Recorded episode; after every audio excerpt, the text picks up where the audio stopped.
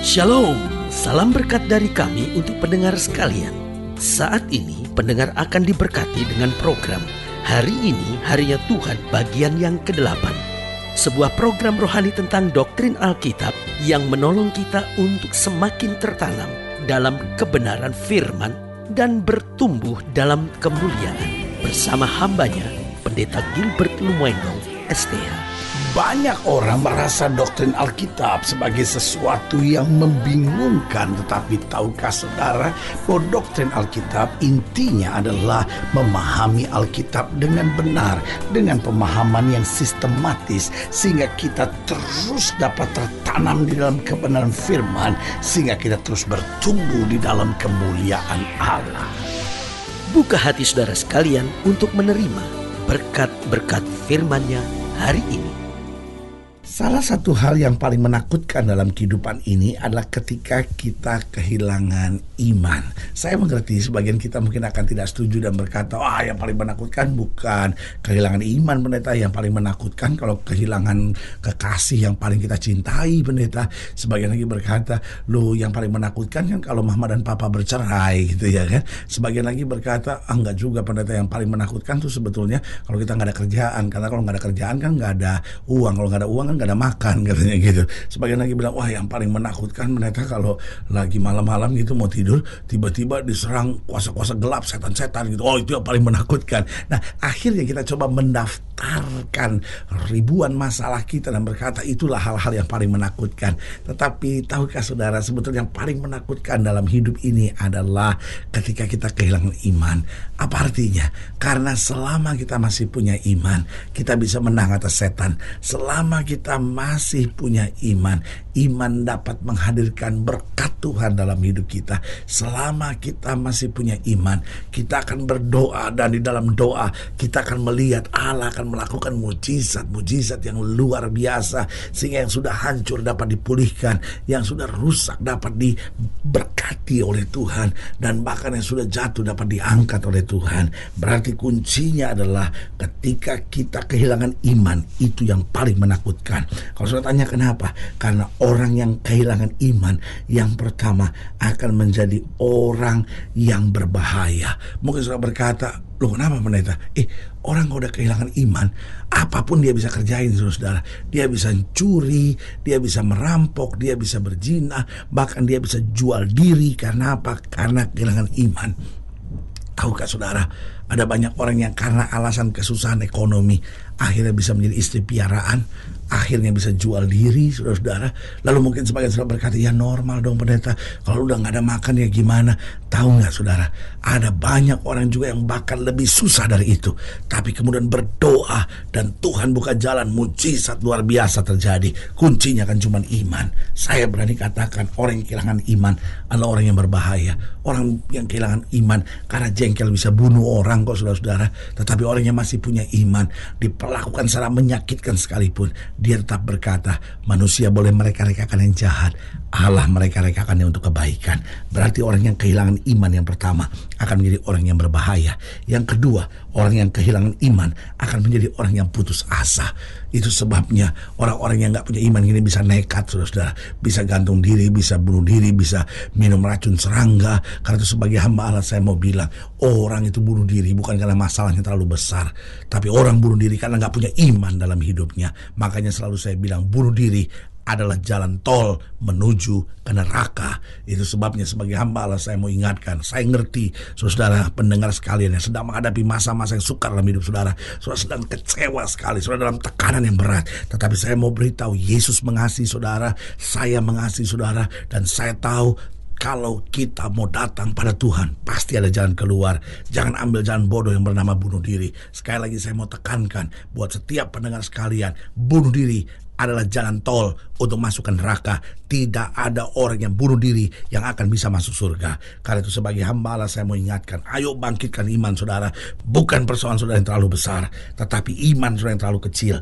Bangkitkan iman saudara, isi iman saudara dengan firman, mulai memuji, mulai menyembah Tuhan, mulai banyak berdoa, mulai datang ke gereja, maka saudara akan dapat kekuatan baru. Yang ketiga, orang yang kehilangan iman, mengapa adalah orang yang menakutkan? Kenapa? Karena orang yang kehilangan iman gak akan bisa menang atas masalahnya. Kenapa orang kalau kehilangan iman, pikiran-pikirannya akan selalu negatif, selalu akan merasa saya nggak sanggup, saya nggak mampu. Jadi berputar-putar dengan masalahnya, selalu bermasalah. Tetapi sebagai hamba Allah saya mau ingatkan, orang kalau sudah memiliki iman yang mantap, maka dia tahu bahwa Tuhan menjadi pembela buat dia. Sehingga di tengah masalah bagaimanapun, dihadapi dengan tenang, dia tersenyum, dia lewati dengan sukacita, dan dalam sukacita ada kekuatan baru. Haleluya yang keempat, karena orang yang kehilangan iman akan menjadi orang yang tidak akan melihat berkat-berkat yang dahsyat. Tahukah saudara, iman akan menuntun kita pada perkara-perkara yang luar biasa. Tetapi tanpa iman, maka hidup ini akan terasa begitu berat dan membosankan. Karena itu mari kita miliki iman. Dalam iman ada mujizat, dalam iman ada berkat, dalam iman ada kemenangan, dalam iman ada perkara-perkara yang dahsyat. Haleluya. Dan gue yang kasih dalam Tuhan, selamat datang dalam program kita hari ini harga Tuhan. Sebuah program rohani yang kembali mengingatkan kepada kita betapa pentingnya kita menjadikan firman Tuhan sebagai dasar kesadaran hidup kita. Karena selama kita menjadikan firman Tuhan sebagai dasar kesadaran hidup kita, langkah langkah-langkah ke depan kita. Penuh dengan kepastian kemenangan berkat mujizat dan perkara-perkara besar. Haleluya. Dan dalam program ini kita sedang membahas tentang kehilangan iman. Saudaraku, iman adalah sesuatu yang harus kita jaga karena di dalam iman selalu ada kemenangan bahkan Alkitab berkata begini iman sebesar biji sesawi saja dapat memindahkan gunung. Kita tidak butuh iman yang besar, tapi kita butuh iman yang aktif. Karena iman tanpa perbuatan pada hakikatnya mati. Haleluya. Nah, saudara yang kasih dalam Tuhan, dalam pembahasan tentang kehilangan iman, kita mau sama-sama belajar dari 1 Samuel pasal 31, 1 Samuel pasal 31 ayat yang keempat sampai ayat yang ketujuh 1 Samuel pasal 31 ayat yang keempat sampai ayat yang ketujuh demikian firman Tuhan. Lalu berkatalah Saul kepada pembawa senjatanya, hunuslah pedangmu dan tikamlah aku, supaya jangan datang orang-orang yang tidak bersunat ini menikam aku dan memperlakukan aku sebagai permainan. Lihat, Saul sudah begitu putus asa, Saul sudah nggak ada iman untuk bangkit, untuk maju, untuk menerima mujizat kesembuhan dari Tuhan sudah nggak ada. Dalam serangan yang hebat orang Filistin dia terluka dan akhirnya dia hanya pasrah dan kehilangan iman, kecewa, putus asa dan dia cuma berkata, Hunuslah pedangmu, tikamlah aku supaya jangan datang orang-orang yang tidak bersunat ini menikam aku dan memperlakukan aku sebagai permainan. Tetapi pembawa senjatanya tidak mau karena ia sangat segan. Kemudian Saul mengambil pedang itu dan menjatuhkan dirinya ke atasnya. Ketika pembawa senjatanya melihat bahwa Saul telah mati, ia pun menjatuhkan diri ke atas pedangnya lalu mati bersama-sama dengan Saul. Jadi Saul ketiga anaknya dan pembawa senjata dan seluruh tentaranya sama-sama mati pada hari itu.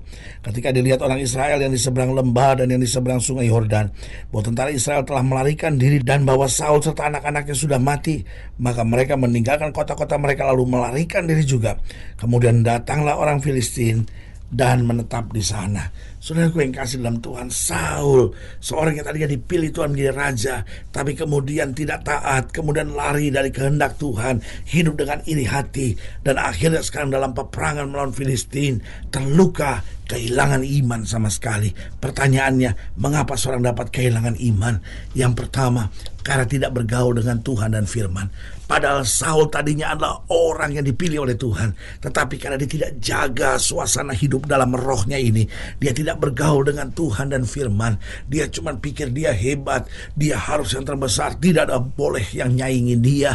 Dan akhirnya apa yang terjadi? Justru dia kehilangan kuasa Allah dalam hidupnya. Saudaraku yang kasih dalam Tuhan. Saudara boleh sekaya apa pun. Saudara boleh sesukses apa pun. Saudara boleh sehebat apa pun. Tapi jangan lupa tetap bergaul dengan Tuhan dan firman. Jangan dengan alasan sibuk, lalu nggak ke gereja, lalu nggak pelayanan, lalu nggak baca Alkitab, lalu nggak berdoa. Saudaraku yang kasih dalam Tuhan, standarnya nih standarnya minimal tiap hari kita berdoa, minimal tiap hari kita baca Alkitab, minimal seminggu sekali kita ada waktu untuk menerima firman Tuhan dalam ibadah dan juga ada waktu untuk melayani Tuhan. Kalau empat hal sederhana itu saja kita jaga dalam hidup kita, itu minimalnya saudara-saudara. Lebih itu lebih baik. Minimalnya tiap hari berdoa, lalu tiap hari baca Alkitab, tiap minggu datang ke gereja, dan tiap minggu terlibat dalam kegiatan-kegiatan pelayanan. Kita butuh firman untuk apa? Untuk makanan rohani kita. Kita butuh doa sebagai nafas rohani kita. Kita butuh ibadah sebagai apa? Sebagai suasana rohani kita untuk bangunkan kekuatan iman kita dan kita butuh melayani sebagai olahraga iman kita, exercise spiritual kita sebagai latihan iman kita sehingga kita makin bertumbuh dalam Tuhan. Jadi ingat, mengapa seorang dapat kehilangan iman karena tidak bergaul dengan Tuhan dan firman. Lalu yang kedua, karena tidak mau membereskan dosa-dosanya. Ingat saudaraku, dosa-dosa itu adalah benalu iman. Jadi kalau kita tahu ada dosa, cepat beresin. Daud juga pernah salah, tapi dia cepat beresin. Saul salah tapi tetap tidak mau membereskan dosanya. Yang ketiga, mengapa seorang dapat kehilangan iman? Karena bergaul dengan orang-orang yang salah. Alkitab sudah bilang, jangan kamu sesat pergaulan yang buruk menghancurkan kebiasaan yang baik. Karena itu saudaraku jaga pergaulan saudara.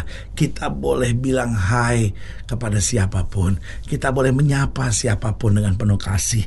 Tetapi kalau yang namanya duduk dalam pergaulan yang erat, jaga. Karena hanya pergaulan yang baik yang akan menuntun kita juga pada kehidupan yang lebih baik. Dan yang keempat, mengapa seorang dapat kehilangan iman?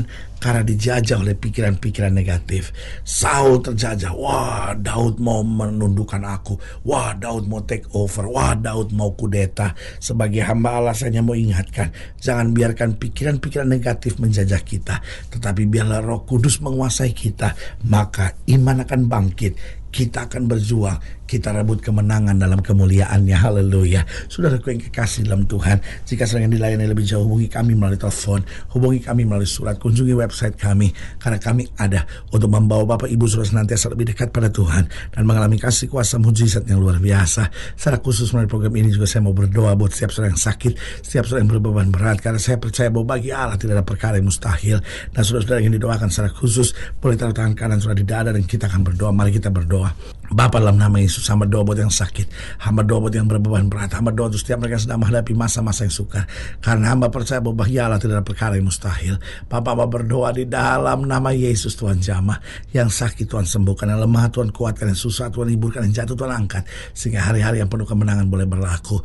Bahkan Bapak hamba berdoa buat setiap mereka yang taruh tangan kanan yang di dada. Tuhan jamah. Sehingga imannya bangkit. Mereka berjalan dalam kemenangan dan melihat janji-janji Tuhan digenapi. Tolong Tolong kami supaya kami tak bergaul dengan Tuhan dan firman. Tolong kami supaya kami mau membereskan dosa-dosa kami. Dan tolong kami untuk bergaul dalam pergaulan yang benar. Dan tidak lagi dijajah oleh pikiran-pikiran negatif. Di dalam nama Yesus kami berdoa. Haleluya. Amin. Saudara yang kasih dalam Tuhan kita sudah berdoa. Ingat Allah tidak pernah lalai menepati janjinya. Inilah saatnya buat kita untuk bangkit bersemangat bersuka cita dalam menghadapi segala perkara. Karena kita tahu Yesus hidup, Yesus berkuasa dan selalu menyediakan yang terbaik buat anak-anaknya. Doa saya menyertai saudara. Sampai berjumpa pada program berikut dan jangan lupa jadikan hari ini harinya Tuhan. Haleluya.